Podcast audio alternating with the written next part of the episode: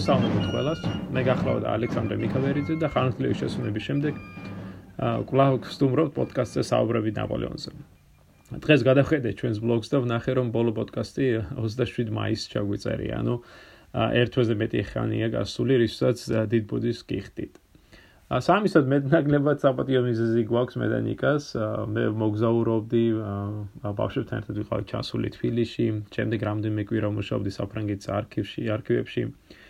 აა ნიკა კი ნიკამ კი წარმატებით დაასრულა თავის სადიპლომო ნაშრომი და აი შემდეგ პოდკასტში მოგვივლინება როგორც ისტორიის მაგისტრი.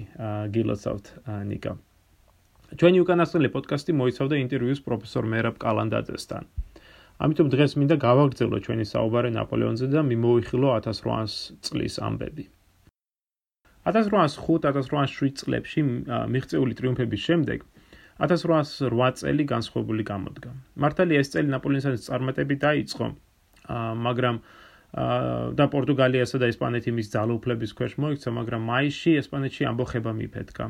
ივლისში ფრანგები ბაილენთან დაამარცხეს და ზაფხულის მიწურულისათვის ფაქტურად თითქმის მთელი ესპანეთი ამბოხებულთა ხელში იყო და ფრანგებმა დაკარგეს თავისი პოზიციები. ამავე დროს ბრიტანელებმა გადასხეს ჯარები პორტუგალიაში, სადაც გენერალმა არტურ ველესლიმ, მომავალმა герцогმა ველინგტონმა ველსლიმ დაამარცხა ფრანგები როლიკასთან და ვიმეროსთან ბრძოლებში.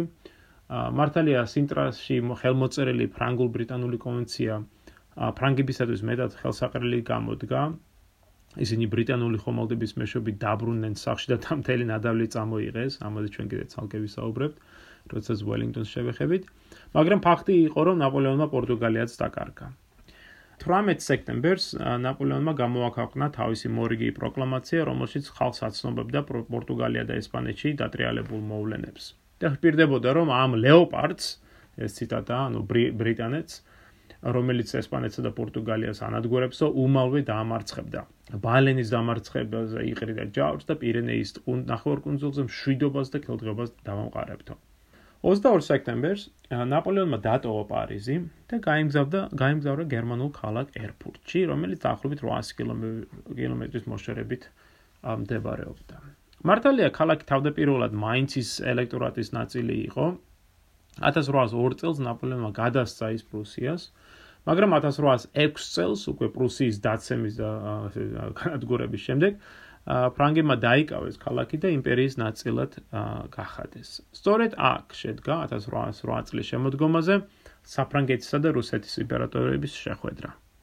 საფრანგეთ-რუსეთის კავშირის სიმტკიცის დემონსტრაცია ნაპოლეონს უკვე დიდი ხანია ჰქონდა განზრახული. მაგრამ 1808 წლის საფხულის ამბებმა, აი ეს ესპანეთში დაწყებულმა ამბოხებებმა პორტუგალიის მოვლენებდა და რაც თავარია, რა თქმა უნდა, აი ბაილენთან ფრანგების დამარცხებამ აიძულა ნაპოლეონი დაეჩქარებინა ალექსანდრესთან შეხვედრა.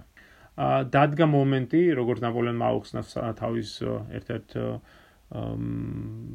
ოფიცერს, სავარის, ანუ დადგა მომენტი ნაპოლეონი აღნიშნავს, რათა შევამოწმო ტილზიტში დატარებული სამუშაოების სიმტკიცეო, ეს ციტატა არის. გასული ერთი წლის განმავლობაში ნაპოლეონი ალექსანდრეს მეტად თავაზიან და თბილ წერილებს წერდა. აი მაგალითად მოვიყვან ერთ წერილს, რომელშიც ნაპოლეონი წერს: ამ რამდენიმე ხაზში მე მთელი ჩემი სული გამოხატე თქვენი უდიდებულესობის მიმართ. ტილზიტში ჩვენი საქმიანობა მთელი მსოფლიოს ბედს გადასწყვეტსო. ა მაგრამ რუსეთის იმპერატორს აშკარად საფიქრალი გაუჩნდა ამ ერთი წლის განმავლობაში. ერთის ხრივ ტილზიტის შემდეგ მას მძიმე დრო დაუდგა. ნაპოლეონთან კავშირი და ამ კავშირის აუცილებელი შედეგები, ეს ინგლისთან განხეთქილება, კონტინენტურ სისტემაში მონაწილეობა. ეს ყოველივე ეს დიდად ლახავდა როგორც რუსული თავდაზნაურობის, ისე ეს სვაჭრების ეკონომიკურ ინტერესებს. რომ არაფერი ვთქვათ აუსტერლიცთან და ფრიდლანდთან განსწილ სასტიკ დამარცხებებს, რომლებიც თავდაზნაურობას, რუსულ თავდაზნაურობას, აი ეს ეროვნულ კატასტროფად და სირცხვილად მიაჩნდათ.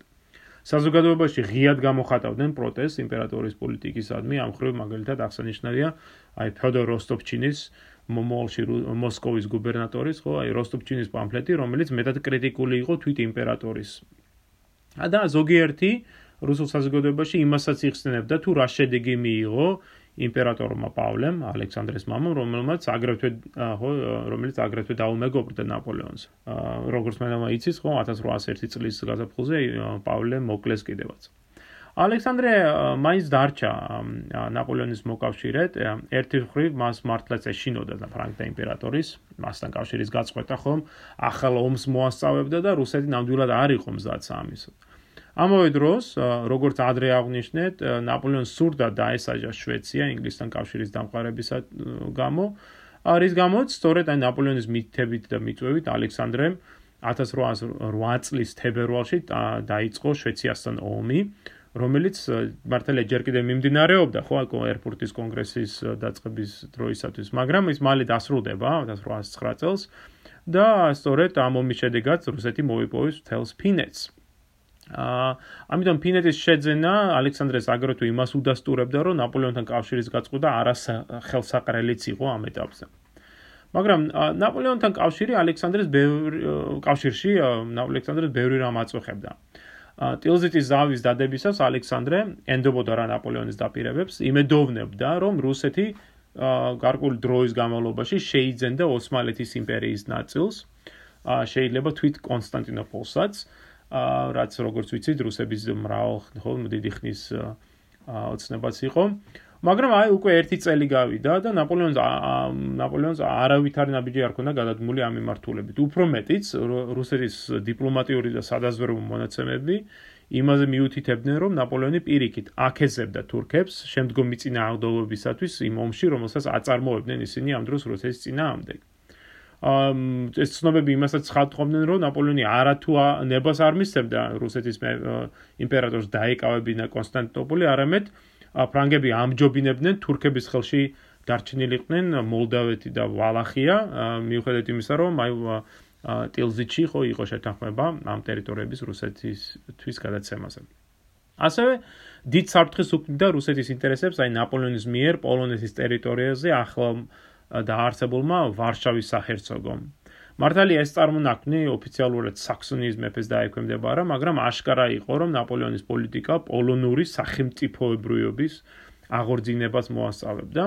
ეს კი მეტად არ აწყობდა რუსეთს, რომელმაც მე მგონი სპენელმა ეს კარგად იცის, 1772 წლიდან 1795 წლამდე პოლონეთის სამი დაყოფის შედეგად ფაქტობრივად გაანადგურა პოლონეთი პოლიტიკური ხო პოლიტიკური რუკიდან აღმოფქვა საერთოდ და მიწების ნახევარზე მეტი თვითონ მიითვისა. ანუ აი ეს ვარშავის სახელმწიფოს დაარსება ხო შექმნა ეს საშიშროება რომ შეიქმნებოდა მართლაც ახალი პოლონეთის სახელმწიფო და რაღაც ეტაპზე მოხდებოდა აი დაკარგული მიწების დაბრუნება რუსეთიდან. ერფურტში წასვლის წინ დედასთან დედოფალ მარია ფედოროვნასთან მიწერილ წერილში იმპერატორი ალექსანდრე აღნიშნავს რომ გასულ წელს ეს შიტა ჩვენმა ინტერესებმა მაიძულეს შემეკრა ნაპოლეონთან კავშირი. მაგრამ რომ კიდევ ერთი ციტა ჩვენ მშვიდად შეხვდებით ნაპოლეონის განადგურებას თუ ასეთი იქნა ღვთისნება. ამ ეტაპზე ყველაზე გონივრული პოლიტიკა მოვიგოთ დრო და დაუცადოთ ხელსაყრელ მომენტს, რათა საჭირო ზომები მივიღოთო წერდა ეს ალექსანდრე. ერფურტში წასვლა აუცილებელია რუსეთის იმპერატორის აზრი, ვინაიდან ციტატა ეს ნაბიჯი გადაარჩენს ავსტრიას და შეუნარჩუნებს მას საჭირო ძალებს, რომელსაც საჭირო მომენტში გამოვიყენებთ ჩვენ საერთო კეთილდღეობის მისაღწევად. ანუ აქ იგულისხმება ნაპოლეონის დამარცხება. ეს მომენტიც წერს ალექსანდრე, ეს მომენტიც მალე დადგება, მაგრამ ეს დღეს ან ხვალ არ იქნება. თუ ვეცდებით მის დაჩქარებას, ჩვენ ყველაფერს დავღუპავთ და დავკარგავთო. ალექსანდრეს აზრით რუსეთის აუცილებელი, რუსეთისათვის აუცილებელი იყო დროის მოგება, რათა ქვეყანა და ჯარი მოსულიყო გონს, აი წინა სამი წლის განმავლობაში განსტილი მარცხებისაგან. კიდევ ერთ ციტატას მოვიყვან. ჩვენ უნდა მივხედოთ საქმეს აბსოლუტური დუმილის დაცვით და არ გავასაჯარაოთ ჩვენი შეიარაღება და სამსადისი სამუშაოები და არ განვაცხადოთ ხმამაღლა თუ ვის წინააღმდეგ ვემზადებითო. ამრიგად, ამრიგად საჯაროდ ალექსანდრე ნაპოლეონთან კავშირზე საუბრობს და საგარეო მინისტრს ნიკოლაი რუმენცევს მის განმტკიცებას ავალებს, მაგრამ აი პირად მიმოწერაში აშკარაა, რომ ალექსანდრე ემზადება იმ მომენტისათვის, როდესაც ნაპოლეონი დასუსტება და არ იქნება ისეთი მძლავი, როგორც წინა წლებში იყო და მოხერხდება, ხო, ან შეიძლება იქნება ევროპაში ახალი ცვლილებების შეტანა. ამრიგად ორთავე მხარე რუსებ ნაპოლეონის და ალექსანდრეც აი დიდ დიპლომატიურ თამაშს ეწეოდა და ორივემ გარკვეულწილად ორივე ხვდებოდა ამას და არც ერთი სრულად არ ენდობოდა ერთმანეთს არა მაგრამ ამ ეტაპზე ბუნებრივია ამ ნაპოლეონსაც და ალექსანდრეს ესაჭიროებათ ერთმანეთი ნაპოლეონისათვის ერთ-ერთი უმნიშვნელოვანეს ამოცანას წარმოადგენდა შეიკავებინა ავსტრია საფრანგეთის წინააღმდეგ ამხედრებისაგან სანამ აი ნაპოლეონი ვერ მოახერხებდა ბოლო მოეღო ესპანეთში გაჩაღებული ომისათვის. ამისათ ამისათვის კი ალექსანდრეს უნდა ეკისრათ აქტიურად ემოქმედა ავსტრიის წინააღმდეგ. თუ ავსტრია საფრანგეთის წინააღმდეგ გამოსვლას გადაწყვეტდა. მაგრამ ალექსანდრეს არ სურდა არც მიეცა და არც შეესრულებინა ეს პირდაპირ ვალდებულება მიუხედავად იმისა, რომ ნაპოლეონი ჰპირდებოდა ალექსანდრის სამხედრო დახმარების სანაცვლოდ გადაეცა გალიციის რეგიონი და კარპატებთან არსებული სხვა მხარეებიც. ამრიგად, ტურინგიის მხარეში, მდებარე ქალაქ ერპურტში, ეს მე და მშვენიერი კლასიკური გერმანული ქალაქია, თუ ოდეს მე შეძლებთ აუცილებლად ეწვიეთ. აი ერპურტში იყო სწორედ ეს შეხვედრა დაგეკმილი. 28 სექტემბერს, 4 შაბათ დღეს, ნაპოლეონი პირადად შეხვდა ალექსანდრეს ქალაქიდან დაახლოებით 5 კილომეტრში. იმპერატორები გადმოვიდნენ ეთლებიდან და ამ თვითხილველების თქმით, კუმხურვალეთ, კუმხურვალეთ გადაეხვევდნენ და საჯაროდ გადაკოცნეს ერთმანეთი. ალექსანდრე ატარებდა აი საპატიო ხოსაფრანგეთის საპატიო ლეგიონის ორდენს. ნაპოლეონი კი რუსეთის წმინდა ანდრია პირველ წოდებულის ორდენს, აი სწორედ ეს ორდენები გაუცვალეს ერთმანეთს მათ ტილზიტში შეხვედრის დროს. გასულ წელს ხო აი ტილზიჩი ალექსანდრე მაჩუკა ნაპოლეონს მალახიტისგან დამზადებული უმშვენიერესი ავეჯი რომელიც ყველა შორის დღემდე ინახება ვერსალის სასახლის გრან ტრიანონში თუ ოდესმე მიხვალთ აუცილებლად შეიხედეთ ეგრეთ წოდებული იმპერატორის სალონში. ა და ამიტომ აი სწორედ ალექსანდრე მაჩუკა ის მალახიტის ავეჯი ამ ამ ამ ჯერზე ნაპოლეონმა მიართვა ალექსანდრეს სევრის ქარხანაში დამზადებული უძურფასესი სერვიზი რომელზედაც ასახულია დღემდე ინახება ეს სერვისის რუსეთში ეს ასახულია ეგვიპტის კამპანიის დროს აი ფრანგი მხატვრების მიერ შედგენილი ხედები და სხვა სხვა პეიზაჟები. სხვა შორის მინდა აღნიშნო, რომ ეს სერვისი ორ ასლად იყო დამზადებული. ერთი ნაპოლეონმა როგორც აღნიშნა ალექსანდრეს აჩუკა, ხოლო მეორე თავის მეუღლეს ჟოზეფინას აჩუკა. რომლის გარდაცვალების შემდეგ ბურბონებმა მიართვეს ეს სერვისი ველინგტონის ჰერცოგს. ამიტომ თუ რუსეთში წასვლას ვერ მოახერხებთ, აა მაშინ აი ლონდონში ველინგტონების რეზიდენციაში, ეპსლის სახლში შეიძლება სწორედ ამ სერვისის ნახვა. მომდევნო 18 დღის განმავლობაში ნაპოლეონი და ალექსანდრე თითქმის განუყრელები იყვნენ. საჯაროობა ყველა ყველაზე უფრო მთავარი იყო აი ამ შეხვედრავაში. აა აი ასე თქვათ მეგობრობაში, იმიტომ რომ აი ევროპას უნდა დაეჯერებინა, რომ ამ ორი იმპერიის ხელმწიფის საუკეთესო მეგობრები იყო.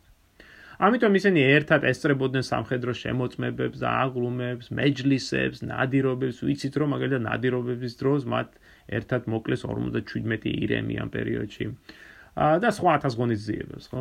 იმპერატორები ხშირად ერთი ეტლი დასიირნობდნენ და ერთ დღეს ერთად იმგზავრეს კიდეც იენის ბრძოლის მოსანახულებლად ალბათ წარმოგიდგენიათ პრუსილებს როგორ გაუხარდათ, როდესაც მათი მოკავშირე, ხო, რუსეთის იმპერატორი, აი სწორედ იენის ბრძოლის ველზე დასეირნობდა ნაპოლეონთან ერთად, სწორედ ნაპოლეონმა აა მოაწყო ვახშამი ისტორიულ იმ ადგილას, სადაც ბრძოლის დროს მისი შტაბი მდებარეობდა. როდესაც ერთ დღეს ალექსანდრეს შენიშნა რომ შემას შემთხვევით ოთახში დარჩა თავისი ხმალი ნაპოლეონმა უმალვე მოიხსნა საკუთარი ხმალი და იმ სამსტერ საზოგადოების წინაშე გადასცა საჩუქრად ის ალექსანდრეს რის საპასუხოდაც რუსეთის იმპერატორმა ასწორედ ამ ხალხის გასაგონად ეს სხვა მაღლა განაცხადა ეს მინდა ციტატა მოვიყვანო. მე მივიღებ ამ საჩუქარს როგორც თქვენი მეგობრობის უდავო ნიშანს. მინდა იცოდეთ ნაპოლეონს ეუბნება ალექსანდრე მინდა იცოდეთ რომ არასოდეს ვიშიშლებ ამ ხმალს თქვენს წინააღმდეგო. ა სამ ოქტომბერს იმპერატორები თეატრში იყვნენ და ესწრებოდნენ აი ეს დადგმას ეს ედიპუს და აი დადგმის ერთ-ერთ ნაწილში ერთ-ერთი გმირი ფილოტექტი მიმართავს თავის მეგობარს დიმას და ეუბნება ეს ერთი მომენტი არის პიესაში. დიდი კაცის მეგობრობა ღმერთების საჩუქარიაო. და აი ამ სიტყვების გაგონებისას, აი თეატრში ყოფნისას ალექსანდრე იმპერატორი წამოდგა ფეხზე და აი დარბაზის თვალწინ ხელი გაუწოდა ნაპოლეონს და აუ დარბაზში დაიწყო ხმამაღლის შეძახილები, ხო, ტაშისკრა და ნაპოლეონმა იძულებული ხო წამოდგეს ფეხზე, ხელი ჩამოართვა, აი თავი და თავი დაუხარა ალექსანდრეს. ანუ აი ხედავ ჩვენ აი ამ ხო ესე თეატრ თუ არ იყო თეატრალურ ხო თვალმაქცობასა და ცოტა ხო იცი მსახიობობას ორივე მხრიდან. აა რამდენიმე შემთხვევაში იმპერატორები გვიან ღამემდე განმარტოებულნი საუბრობდნენ ოთახში, თავი ოთახში, სხვა ჩვენ ზუსტად არ ვიცით რაზე, მაგრამ ვიცით რომ საუბრობდნენ. აქ მინდა მოვიყო ერთ-ერთი ჩემი საყვარელი წერილი ნაპოლეონის მიმოწერიდან, რომელიც 11 ოქტომბერს, ანუ აი ამ ერფურტის შეხვედრების შუაგულში იწერება. ნაპოლეონმა მიწერა ეს წერილი თავის ცოლს, ჟოზეფინას და ამ წერილში ნაპოლეონი აღტაცებით აღნიშნავს და ეს იცოდა მე მეტად კმაყოფილი ვარ ალექსანდრეთი, ვფიქრობ რომ ის საბოლოო ჩემს ხარეზეა. ქალი რომ ყოფილიყო, უდაო ჩემს საყვარლად გავხდიდიო. ქალი რომ ყოფილიყო, უდაო ჩემს საყვარლად გავხდიდიო. მოკლედ ნაპოლეონმა და ალექსანდრემ ორთავე დიდი ანტურაჟები ჩამოიყვანეს ერფურტში. ალექსანდრეს თან ჩამოყვა 26 მაღალჩინოსანი, ხოლო ფრანგულ მხარეში შედიოდნენ ისეთი ცნობილი პირები, როგორც იყვნენ ბერტიე, დიუროკი, მაღე, შამპანი, რომელიც სხვა შორის ახლა დანიშნული იყო საფრანგეთის საგარეო საქმეთა მინისტრად. ა რემიზა, სავარი, კოლენკური, დარიუ, ლორისტონი და ასე შემდეგ. მართალია ნაპოლეონმა გადააყენა საგარეო მინისტრი შალმორის ტალერანი სხვა შორის გრთამსძალავდა გერმანიის თავრებს და მეფეებს ტალერანი. ა მოკლედ მართალია ნაპოლეონმა გადააყენა, მაგრამ ის მაინც დიდად აფასებდა ტალერანის აი ეს დიპლომატიურ ნიჭს, ხო, გამოცდილებას და ამიტომ არა არა მხოლოდ თან წაიყვანა ერფურტში, არამედ მისცა ნაპოლეონმა ტალერანს საშუალება გასცნობოდა აი საიდუმლო საბუთებს, რათა შემდეგ რჩევა დარიგება მიეცა როგორც შამპანისტვის ახალ მინისტრისათვის, ისე თვით ნაპოლეონისათვის. ვფიქრობ, ეს ნაპოლეონის ერთ-ერთი ყველაზე დიდი შეცდომა იყო, ვინაიდან ვინაიდან სწორედ ერფურტში ყოფნისას ტალერმა ტალერმა გადადგა პირველი აქტიური ნაბიჯი ნაპოლეონის წინააღმდეგ და რუსეთის იმპერატორთან საიდუმლო ურთიერთობა დაამყარა. ფრანგი დიპლომატი ურჩევდა ალექსანდრეს წინააღმდეგობა გაეწია ნაპოლეონის ჰეგემონიისათვის. შემდგომში ნაპოლეონი თავის მოქმედებებს იმით ასაბუთებდა თითქოს იგი ზრუნავდა საფრანგეთზე, რომელიც დაღუპვისაკენ მიყავდა ნაპოლეონის ევროპაში ბატონობის მოყვარულობასო. ალექსანდრესთან პირველივე საიდუმლო შეხვედრის დროს ტალერონმა პირდაპირ განუცხადა მას, ეს ციტატა: "სირ, აქ რის გასაკეთებლად ჩამოხვედით?" სწორედ თქვენ გეკისრებათ ევროპის გადარჩენა და სამისოთ ერთადერთი საშუალება არის თუ თქვენ წინააღმდეგობას გაუწევთ ნაპოლეონს. ფრანგები ცივილიზებული ხალხია, მაგრამ მათი ხელმწიფე ნამდვილად არ არის ასეთიო, თქვა ტალერანმა. სწორედ ალერანთან ურთიერთობისას ალექსანდრე მიხვდა, რომ ნაპოლეონის იმპერია არც ისეთი მткиცე და ურყევი იყო, როგორც ეს ბევრს ეჩვენებოდათ. სწორედ ალერანთან საუბრების შემდეგ გადაწყვიტა ალექსანდრომ უფრო დიდი სიმტკიცე გამოევლინა ნაპოლეონის მიმართ და უფრო დიდი მოთხოვნები დაეყენებინა მის წინაშე. ფრანგულ და რუსული მხარეების გარდა ერფურტის კონგრესზე კონგრესს ესწრებოდნენ ასევე ბავარიის, საქსონიის, ვესტფალიის, ვერტემბერგის მეფეები, ასევე რაინის კონფედერაციის პრინცპრიმატი კარლ დალბერგი, ორი დიდი ჰერცოგი და 20 გერმანელი მთავარი, რომელთი რომელთა რანგი ნაპოლეონმა განსაზღვრა აი რაინის კონფედერაციაში მათი გაწევრიანების მიხედვით. ასეთი დიდებული თავყრილობა ერთობოდა ბალებით, კონცერტებით, აღლუმებით, ფეიერვერკებით და სხვა ღონისძიებების მოწყობით. მაგრამ ბუნებრივია ძირითადი ყურადღება მუდამ ორ იმპერატორს შორის მიმდინარე მოლაპარაკებებზე იყო. მოლაპარაკებები კი რთულად მიმდინარეობდა, ვინაიდან არც ერთ მხარეს არ სურდა დათმობებზე წასვლა. კოლენკურთან საუბრისად ნაპოლეონი აღნიშნავდა ციტატა ეს შენი იმპერატორი და სხვა შორის მინდა აღნიშნო რომ კოლენკური რუსეთში მსახურობდა ხო საფრანგეთის ელჩად და ძალიან ახლოს იყო ალექსანდრესთან და ამის გამო ნაპოლეონი ხშირად ეხუმრებოდა რომ რომ რუსი გახდა კოლენკური. ა მოკლედ ციტატა არის ეს შენი იმპერატორი ალექსანდრე ჯორივით ჯიუტია. როდესაც საუბარი გვაქვს ისეთ საკითხებზე, რომელიც მას არ სიამოვნებს, ის მუდამ თავს იყრუებს. ერთ-ერთი ასეთი გაცხარებული დავის დროს ნაპოლეონმა მიწაზე დაახეთქა თავისი ქუდი და გააფთრები დაუწყო მას ფეხი თელვა. მაგრამ ალექსანდრემ აუღელებლად მიუგო. ციტატა: თქვენ ფიცხი ხართ, მე კი ჯიუტი. ასეთი რისხვით ვერაფერთ გახდებით ჩემთან. მოდით ვისაუბროთ, მოვილაპარაკოთ, ვიმსჯელოთ, თუ არა და ეხლავე გაგეცლებითო. საბოლოოდ 18 დღიანი მოლაპარაკების შემდეგ რუსეთ-საფრანგეთის კავშირი ფორმალურად ძალაში დარჩა. ტილზიჩი მიღწეული შეთანხმება, რომლის თანახმადაც რუსეთმა და საფრანგეთმა ევროპა გადაინაწილეს, განაგრძობდა არსებობას. მაგრამ ხარებმა მხოლოდ რამდენიმე დამატებით შეთანხმებას შეთანხმების მიღწევა შეძლეს. და ყოველ შემთხვევაში ნაპოლეონმა ვერ შეძლო აი თავის საწადელი სრულად განხორციელება. ოსმალეთის იმპერიის საკითხზე ისინი ვერ შეთანხმდნენ იმპერიის საბოლოო ბედზე, მაგრამ ერფურტის კონვენციის საიდუმლო მუხში აღინიშნა, რომ ნაპოლეონი აღიარებდა რუსეთის მიერ მოლდავეთის და ვალახიის ოკუპაციას და რომ საფრანგეთი დაუჭერდა მხარს რუსეთს თუ ავსტრია შეეწინააღმდეგებოდა რუსულ ამბიციებს აი ბალკანეთის კუნახევარ კუნძულზე. მეორე მხრივ ალექსანდრემ აღიარა ნაპოლეონის ძმა ჟოზეფი როგორც ესპანეთის მეფე და დაპირდა ნაპოლეონს დახმარებოდა მას თუ ავსტრია გაბედავდა საფრანგეთის წინამდე გამოსვლას. ერთის მხრივ ეს დიდი მიღწევა არის, ხო? შეიძლება ვთქვა, რომ ნაპოლეონმა შეძლო და დაერწმუნებინა ალექსანდრე რომ ეს ეს დახმარება აღეთქვა, მაგრამ შეთანხმების ეს მუხლი მეტად ზოგადი ხასიათის იყო და არა კონკრეტებდა რა სახის და რა ზომის დახმარებას გულისხმობდა. იგულისხმებოდა აქ და ამას შე დავინახავთ 1809 წელს იქნება ზუსტად აი ამასთან დაკავშირებით ძალიან დიდი გაუგებრობა და უთანხმოება და შემდეგ უკვე ხო დაპირისპირება რუსეთსა საფრანგეთს შორის. აღსანიშნავია რომ 12 ოქტომბერს ნაპოლეონმა მიწერა ერთი საინტერესო წერილი ბრიტანეთის ხელისუფლებას უფრო სწორედ ბრიტანეთის მეფეს ჯორჯ მესამეს რომელშიც კვლავ სთავაზობდა აა მას დაუყუნებლივ დაზავებას იმავე პირობებზე, რაც მან ადრე 1802-1806 წლებში სთავაზობდა ბრიტანელებს. წერილში აღნიშნული იყო, რომ ნაპოლეონი და ალექსანდრე ციტატა ვემუდარებით თქვენს უდაბულესობას, ანუ ჯორჯ მესამეს, ყური უგდოთ ჰუმანურობის სახილსო, მაგრამ ეს წერილიც საბოლოოდ საბოლოოდ უგულებულყელი იქნა ბრიტანელების მიერ.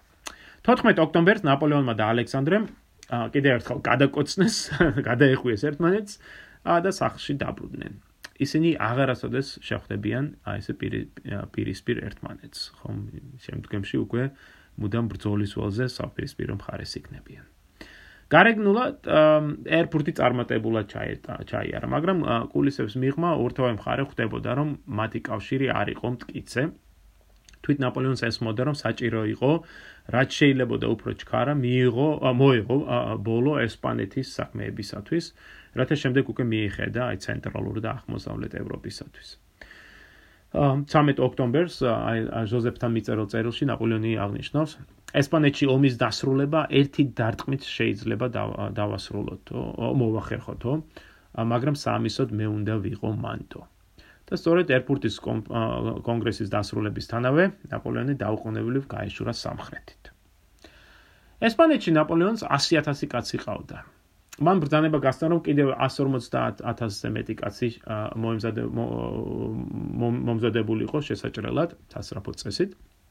გზაზეთ ნაპოლეონი თავისი ჩოული შმაგი ენერგიითა და აი დეტალებისადმი დიდი ყურადღებით დაიწყო ამ ახალი კამპანიისათვის მზადება და აი მართლაც აი თითო კამპანიის წინ აი სამზადის სამსამუშაოს რო გადავხედოთ და მithumetes ნაპოლეონის მიმოწერას რო გადავხედოთ მართლაც გასაოცარია აი ამ პიროვნების ენერგია, დეტალებისადმი ყურადღება, აი მისი უნარი რო აი ამ ხელა მასშტაბის ინფორმაცია ხო აი შეი გაითავისოს და ყველაფერს მიაქციოს ყურადღება.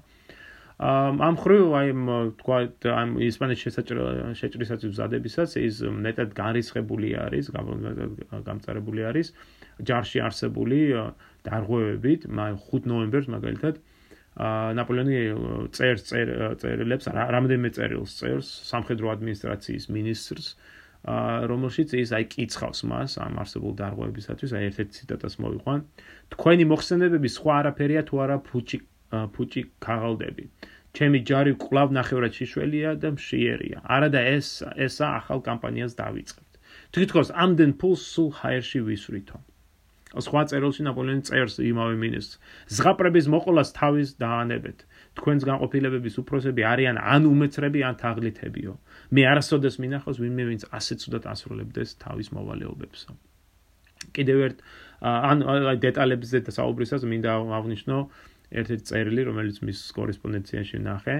აა ნაპოლეონი, ესე იგი, ყოველდღე მიიღებდა ხო 100-ობით მოხსენებებს მიიღებდა ჯარის სხვა სხვა დივიზიებს, პოლკებს, ხო თუ корпуსების გამარეობაზე და ასე შემდეგ და აი ამ ერთ-ერთ ესეთ მოხსენებაში ნაპოლეონმა თვალი მოკრა ესეთ მცირე დეტალს, რომ აი სამხედრო ადმინისტრაციამ დაიქირო 68 ჯორი артиლერიის გადასაზიდან. აა ეხლა სხვა ვინმე რო ყოფილიყო, ხო? ალბათ არც მიაქცევდა ყურადღება, ნუ 68 ჯორი, 68 ჯორი არის და გადაიტანენ ხო მარტილერებს, მაგრამ აი ნაპოლეონმა მიაქცია ყურადღება იმას, რომ აი რომ იქვე იყო მითითებული, რომ აი ჯორების ჯორები იყვნენ 3-4 წლის ასაკის. მაშინ როდესაც ნაპოლეონს ჰქონდა უშუალოდ დაკარნახები, რომ ეს ჯორები უნდა იყვნენ 5 წლის და აი ცალკე წერილი აქვს მიწერილი, როგორ გაბედეთ 5 წლის ჯორების ნაცვლად 3-4 წლის ჯორები დაიკრევეთ, ეს არ შეიძლება, იმიტომ რომ უფრო ხო ეს 5 წლის ჯორები უფრო ამტანიანები არიან ვიდრე 3-4 წლისასო. ანუ აი ამ ხელა კამპანიის მზადებაში აი ესეთ წვრილმან რაღაცებს აქცევს ყურადღებას ნაპოლეონი. 1808 წლის შემოდგომის მიწურულს ნაპოლეონი უკვე ესპანეთში შეიჭრა. იმ იმ რისხანებით იყო ახსოვსე აი მოასე ურჩ ესპანელების მიმართ. ამ ხნის განმავლობაში ინგლისელებმა მოასწრეს ხომ ჯარის გადმოსხმა და განდევნეს ფრანგები ლისაბონიდან პორტუგალიამ გადაიქცა არა საფრანგეთის, არამედ ინგლისის ბაზად. ფრანგები ფლობდნენ მხოლოდ ამ ჩtildeოეთ ესპანეთს, მდინარე ებრომდე, დაარჩენ ესპანეთს კი ესპანელთა სამეფო ჯარი და ეს გვერლისები, ხო ეს სახალხო ამბოხებულები აკონტროლებდნენ. პირენეების გადაკვეთის შემდეგ ნაპოლეონი, რომელმაც ესპანეთში 270.000-ზე მეტ ჯარისკაცს მოუყარა თავი, შეტევაზე გადავიდა ესპანეთის არმიის და ამ ამბოხებულების წინააღმდეგ. ბურგოსთან 1808 წლის 10 ნოემბერს მან ესპანელების სასტიკად დაამარცხა და მომდევნო ერთი კვირის განმავლობაში კიდევ რამდენიმე გამარჯვება მოიპოვა ტოდელასთან, ესპინოზასთან და შემდეგ უკვე 30 ნოემბერს სომოსიერასთან. რის შედეგად ესპანელთა კარი, ო ჯარი თითქმის სრულად განადგურებული იყო. აი ეს უკანასკნელი ბრძოლა, სომოსიერას ბრძოლა განსაკუთრებით საინტერესო არის. მადრიდიდან 100 კილომეტრში მდებარეობს აი სომოსიერას ვიწრო ხეობა.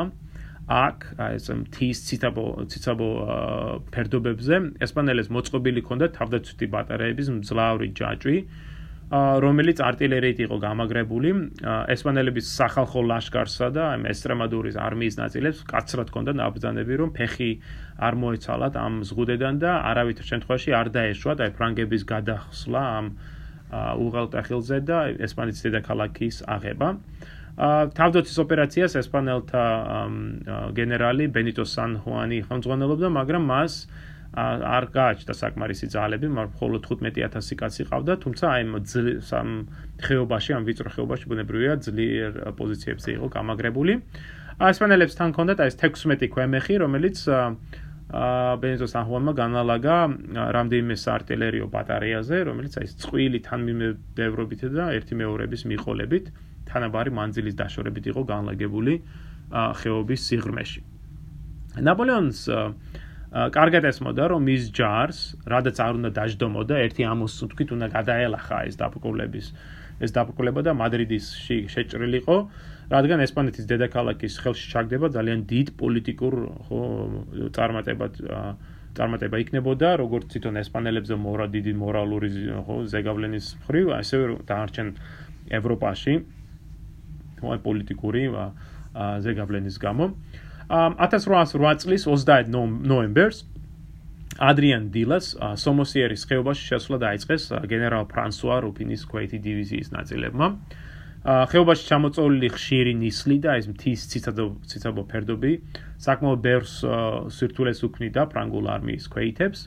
ისინი ესპანელ მსროლთა განუწყვეტლი ცეცხლის ქვეშ მოიქცნენ, მაგრამ მაინც გაბედულად მიიწევდნენ წინ აი ლოდებით დაფარულ ფერდობებზე.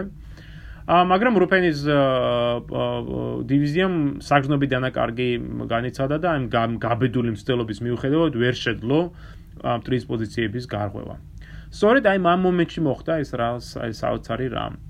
მართალია ნაპოლეონის აი ზუსტი ჩანაფიქრი ცოტა ბუნდოვანია, ვიდრე მან წერილობითი ბრძანება არ დატოვა.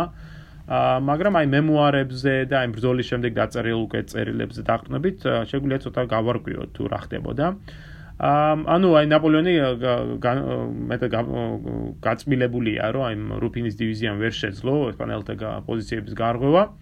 და ამიტომ მას სურდა ეს პირველი ესპანელთა პირველი საარტილერიო ბატარეის აღება, რომელიც აი ეს ბატარეა უშუალოდ ხეობაში იდგა და ფრანკთა ქვეით ჯარის წისვლას აფერხებდა. ამიტომ მან უბრძანა პოლონელთა მსუბუქი კავალერიის, ეგრეთ წოდებული შევოლეჟერის პოლკს წამოეწყო იერიში ამ ბატარეაზე, ხოლო ფრანკთა ქვეითები ფლანკებიდან შეუტევდნენ მას. ეთყობა პოლონელთა ესკადრონის მეტაურმა, კაპიტანმა იან ლეონ კოზეტულსკიმ ვერ გაიგო ზუსტად რა სიტყოდა იმპერატორი და იმის ნაცვლად რომ პირველ ბატარეისათვის შეეტია პოლონელები სამივე ბატარეის ეკვეთნენ კავალერიის საბრძოლო წესით გაშლა შეუძლებელი იყო აი სომოსიერის ხეობის სივიწროვის გამო ამიტომ პოლონელები ერთ კოლონად ადგილს მოწყდნენ თის ფერდობზე გაიჭრნენ მოწინააღმდეგისაკენ და ეს 159 მამაცი თავზე მართლაც თავზე ხელაღებული პოლონელი აღმოჩნდა აი უთანასწორო ბრძოლაში ესპანელთა წინააღმდეგ. ესპანელთა საარტილერიო ბატარეის პირველი აი კაპიტან ზევანოვსკის ესკადრონი მიეჭრა. ქვემეხების პირველი მომაკვდინელებელი ზალპი აი პონელებმა მაშინვე იგემე მაშინ იგემეს როდესაც აი ეს ფინდიხის სასროლ მანძილზე მიუახლოვდნენ. მოწინავე მხედრები წამიერად ხო მოცელა ამ ფინდიხის გასროლამ მაგრამ პოლონელებმა შეძლეს აი მობილიზირება და შეუტიეს კლავ შეძლეს პირველი ბატარეის ხელში ჩაგდება და შემდეგ ამ კიზლტოვსკიმ განაგრძო ეს შეტევა და აიღო მეორე და მესამე ბატარეები. სამივე ამ ადგილას ქვემეხის გაზ გათვლების სწრაფად გაიფანდნენ და პოლონელებმა ხელთ იგდეს 16-ვე ქვემეხი. თუმცა ეს მათ ძალიან დიდ ფასად დაუჭდათ, აი 159 ხედრიდან 83 დაიღუპა ან დაიჭრა.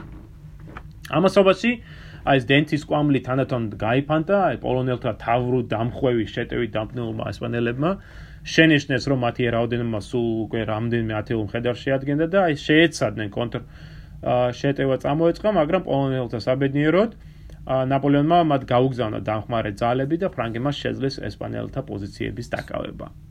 ა ბრძოლის შემდეგ ნაპოლეონმა ნაპოლეონი ახტაცებას ვერ მალავდა აი პოლონელთა გმირობით უწოდა მათ აი სოფლიოში საუკეთესო კავალერია, უბოძა მათ იმპერატორის გვარდიაში მსახურობის პატივი და აი ცოცხლად გადარჩენილებიდან 18 პოლონელს პირადად გადასცა იმპერიის უმაღლესი ჯილდო საპატიოს ლეგიონის ორდენი. 4 დეკემბერს ნაპოლეონი მადრიდში შევიდა. დედაქალაქი დამპყრობელს სამარისებული სიჩუმით შეხვდა. ნაპოლეონმა მოინახულა ჟოზეფის ყოფილი სამეფოს ასახლე და მეტად გაკვირვებული დარჩა, რომ ესპანელებმა ის ხელუხლებელი დატოვეს. ეგ არა, ეს ნაპოლეონის სახელგანთმული პორტრეტი რომ არის დავიდის მიერ შესრულებული, ხო, ალპების გადაკვეთისას. მსმენელმა ალბათ იცის, რომ ეს ნახატი სწორედ ესპანელთა მეფისთვის საჩუქრად იყო შესრულებული. და ამ შემდეგ უკვე ჟოზეფმა ჩაიგდო ხელ და აი ეს პორტრეტი ჯერ კიდევ ხელუხლებელი ეკიდა კედელზე ამ სასახლეში, ანუ ესპანელებმა საერთოდ არ აბნეს მას ხელი. ა მომდენო 18 დღის განმავლობაში ნაპოლეონი ცდილობდა მოეგوارებინა ეს ესპანური საქმეები.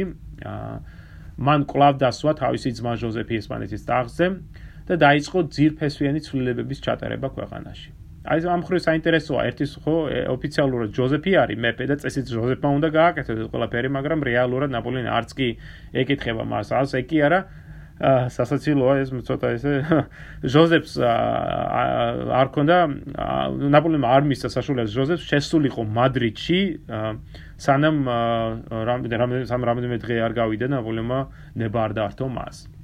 მოკლედ ნაპოლეონი აკეთებს ამ ყოველივეს ნაპოლეონმა აღადგინა ბაიონის კონსტიტუცია, რომელიც აი ზაფხულში იქნა მიღებული, ჩვენ ამაზე ვისაუბრეთ წინა პოდკასტში, მაგრამ აი ბაილენის შემდეგ ეს კონსტიტუცია არ იქნა შეყვანილი ძალაში. დეკემბერში გამოქვეყნებული ბრძანებულებების შედეგად ნაპოლეონმა მიზნად დაისახა ფეოდალიზმის გადმონაშთების მოსპობა ესპანეთში. მან გააუქმა ინკვიზიცია, დაიწყო კათოლიკური ეკლესიის რეორგანიზაცია და დაუქვემდებარა ის სახელმწიფოს. გააუქმა არაერთი მონასტერი, და და ჩამოართვა ეკლესიას დიდი დიდი უნები მიწები. საფუძველი ჩაუყარა ახალ სასამართლო სისტემას, შექმნა ახალი ადმინისტრაციული სისტემა, რომელიც საფრანგეთის მსგავსად დეპარტამენტებად დაყო ესპანეთი. მოხდა საგადასახადო სისტემის საფუძვლიანად გადახედვა და რეორგანიზება. გაუქმდა ესპანეთის მხარეების შორის არსებული ტარიფები და გადასახადები. ასევე გაუქმდა სახელმწიფო მონოპოლიები. ხო, ზოგი კონკრეტულ დარგში რო არსებობდა, დაიწყო სახელმწიფო საკუთრებაში არსებული წარმოებების და მაღაროებების პრივატიზაცია და ასე შემდეგ, ასე შემდეგ, ამ ბევრი შეცვლილებების წამოწყება ხდება ამ პერიოდში. აი აი პროგრესულად, აი ლიბერალურად განწყობილი ესპანელებისათვის ყოველივე ეს იყო ის, რასაც ისინი დიდი ხნის განმავლობაში ხო მოელოდნენ თვითონ ბურბონთა მონარქიისაგან და ბუნებრივია რომ ისინი ამას მიესალბებოდნენ. სწორედ ამიტომ აი ესპანელთა აი საშუალო ფენის დიდი ნაწილი ფრანგებს მიეხო მიემხრო და გახდა აი რასაც ესპანელები უწოდებენ ამფრანჩაზადო, ანუ გაფრანგებული. აა და ეს აფრანჩეზადო სწორედ ნაპოლეონის რეფორმებს დაუჭირე მხარი. ამიერიდან მათი მოთხოვნები, ძირითადად მოთხოვნები იყო აი მოქცეული აი ეს ცნობილ აა ასე ვთქვათ მოთხოვნაში raison la justitia el poder ანუ კეთილგონიერება, სამართლიანობა და ძალაუფლება. ეს არ ნიშნავს რომ ეს აფრანჩეზადოებს გულზე ეხატებოდათ ნაპოლეონი. არა, იდეოლოგიურად ისინი უფრო ახლოს იდგნენ ფრანგულ რევოლუციონერებთან ვიდრე იმპერიასთან, მაგრამ მათ კარგად ესმოდათ, რომ ამ ეტაპზე ესპანეთის მომავალი მჭიდროდ იყო დაკავშირებული ნაპოლეონის დინასტიასთან. და ბუნებრივია რომ სხვა არაფერი ვთქვა, აი ამ საშუალო ფენა, ხო, ბევრმა მათგანმა უშუალოდ ხო ნახა სარგებელი ამ რეფორმების შედეგად ისე საეკლესიო მიწები რო ჩამოერთ გაყიდვა რო დაიწყო სწორედ საშუალო ფენამ შეიძინა ისინი რომ ხო ისევე სახელმწიფო წარმოებებზე და აი მაღაროებზე და ასე შემდეგ დეკემბრის მიწურულს ნაპოლეონმა მიიღო შეტყობინება, რომ ბრიტანელთა საექსპედიციო корпуსი, რომელსაც გენერალი ჯონ მური მეთაურობდა, უახლოვდებოდა მადრიდს სამხრეთ-დასავლეთიდან. ეს მეტად მოულოდნელი ცნობა იყო ნაპოლეონისათვის, ის სხვაშორის მეტად გახარებული იყო, რომ როგორც იქნა, არ იქა აი ბრიტანელებს დაუპირისპირდები ხო მიწაზე. აა 1800 8 წლის ოქტომბერში გენერალი მური, ჯონ მური, სათავეში ჩაუდგა პორტუგალიაში მყოფ ბრიტანულ საექსპედიციო корпуს. მე მინდა შევახსენო სმენელს თუ რომ არტურ უელსლი, რომელმაც ხო 1808 წელს დასაწყისში ამ ზაფხულში ჩაიყვანა საექსპედიციო корпуსი და ამარცხა ფრანგები ვიმეროსთან და მე განდევნა პორტუგალიდან მე როგორც აღნიშნე აი სინტრას კონვენცია მოეწერა ხელი და ეს იმდენად სასარგებლო იყო ფრანგებისათვის რომ ველსლი და კიდევ ორი გენერალი უფროსი გენერალი გაიწეული იქნენ ლონდონში და გასამართლებულიები იყვნენ. მართალია ველსლი გაამართლეს ამ სასამართლოზე, მაგრამ აი ეს ფაქტობრივად ბრიტანულ სამხედრო ძალების აი ეს უფროსობა გაწეული იქნა პორტუგალიდან და ამის ყოვლის შემდეგ სწორედ ჯონ მური დაინიშნა პორტუგალიაში ბრიტანელების მხედართავად. აი ეს ოქტომბერში ჩასვლის შემდეგ მურმა წამოიწყო ახალი კამპანია ესპანელების ხარდასაჭერად. ეხლა ამ დროისათვის ოქტომბერში მან ხო მურის ხელთ არსებული ინფორმაციით ესპანელები იგებენ, ისინი საკმაოდ დიდ წარმატებას ხო მიაღწიეს, ფრანგები განდევნილები არიან დინარე ებროს ჩრდილოეთით, მადრიდი ესპანელების ხელშია, მთელი ქვეყანა ხო ამბოხებაში, ანუ მურს მიაჩნია რომ ეს მომენტი არის ხელსაყრელი ბრიტანელების ინტერვენციისათვის. და აი ამ ინტერვენციისათვის ბრინალებს უნდა გადაეკვეთათ პორტუგალიასა და ესპანეთს საზღვარზე არსებული ეს მთაგორიანი რეგიონი. და სწორედ აი აქ ყოფნისას, აი ცოტა მოწყვეტილი ხო არიან ისინი, სწორედ აქ ყოფნისას მურმა ვერ გაიგო, რომ ესპანეთში ნაპოლეონი შეიჭრა, რომ ესპანელები დამარცხნენ და ალბათ წარმოგიდგენია რა გაოგნებული იყო ბრიტანელი გენერალი, როდესაც სალამანკაში ჩასვლისას მან მოახსენეს, რომ ნაპოლეონი უკვე მადრიდში იყო, ანუ დაახლოებით 100 კილომეტრის მოშორებით. და რომ მას თან ახდა თვით დიდი არმია, Armée, ხო, აი ასტერლიცის, იენის, ფრიდლანდის გამარჯვებული ჯარი თან ახლავს მას. მურს სხვა რა გამოსავალი ჰქონდა თუ არა, უმალვე დაიწყო უკან დახევა, მაგრამ აი ამ ძიმე მომენტში მან მეტად მნიშვნელოვანი შემე შემიძლია ვთქვა აი საბედისწერო გადაწყვეტილება მიიღო იმის ნაცვლად რომ დაბრუნებულიყო პორტუგალიაში, სადაც ლისაბონში ბრიტანელებს უკვე გააჩნდათ სამხედრო ბაზა და საკმარისი სურსაც სანაუაგე. ა მურმა გადაწყვიტა წაიყვანა ჯარი ჩრდილო-დასავლეთით, ანუ სამხრეთ-დასავლეთის ნაცვლად ჩრდილო-დასავლეთით, ესპანეთში, ქალაქ ლაკარუნიაში, სადაც ის იმედოვნებდა, რომ ბრიტანული ფრონტი მას გადაარჩენდა. მურს კარგად ესმოდა, რომ ნაპოლეონი მალე დაედევნებოდა მას. ამიტომ ის შიშობდა, რომ პორტუგალიაში უკან დახევით მური საშუალებად მისცემდა ფრანგებს გაექარწყლებინათ ბრიტანელების მიერ მოპოვებული გამარჯვებები და აი პორტუგალიაში თავიანთი ხელისუფლებას აღადგენდნენ. აა ლაკორინიისაკენ უკან დახევით მურმა თავის თავზე აიღო ფრანგთა ძირითადი დარტყმა, მაგრამ ამავე დროს ის ჩრდილოეთისაკენ გადაისროლა რითაც უშუალო საფრთხე მოუსხნა აი ლისაბონში, ხო, სამხრეთით არსებულ ბრიტანულ ბაზას. და სწორედ აი ამ ბაზაზე დააყრდნობით მოახერხეს მოახერხებს მოალში უკვე გენერალი ველსლი, რომელიც 1809 წელს დაბრუნდება. აი ეს გენერალი ველსლი მოახერხებს ფრანგების დამარცხებას მომდევნო 5 წლის განმავლობაში. ანუ აი მურის გადაწყვეტილება ძალიან მნიშვნელოვანი არის და საბედისწერო. გენერალ მური ხმა ვეღარ შეესწრება ყოველივე ამას. ნაპოლეონი დაედევნა მას, გადაკვეთა სიერა დე გვადარამას თაგრეხილი, რაც შესაძლოა თავისთავად დიდი მიღწევა იყო თუ გავითვალისწინებ რომ ყოველივე ეს გაგანია ზამთარში დეკემბერში ხდება. წარმოგიდგენიათ თებში, საკმაოდ მაღალ თებში ამ ზამთარში გადასვლა და დიდი დანაკარგები მიაყენა კიდევაც ბრიტანელებს მაგრამ ნაპოლეონმა არ დაასრულა ეს დევნა 1809 წლის 4 იანვარს მან მიიღო შემაშფოთებელი ცნობები საფრანგეთიდან ავსტრია ახალი ომისათვის იყო მზად. საჭირო იყო ნაპოლეონისთვის დაუყოვნებლივ ესპანეთიდან წასვლა და სამშობლოში დაბრუნება.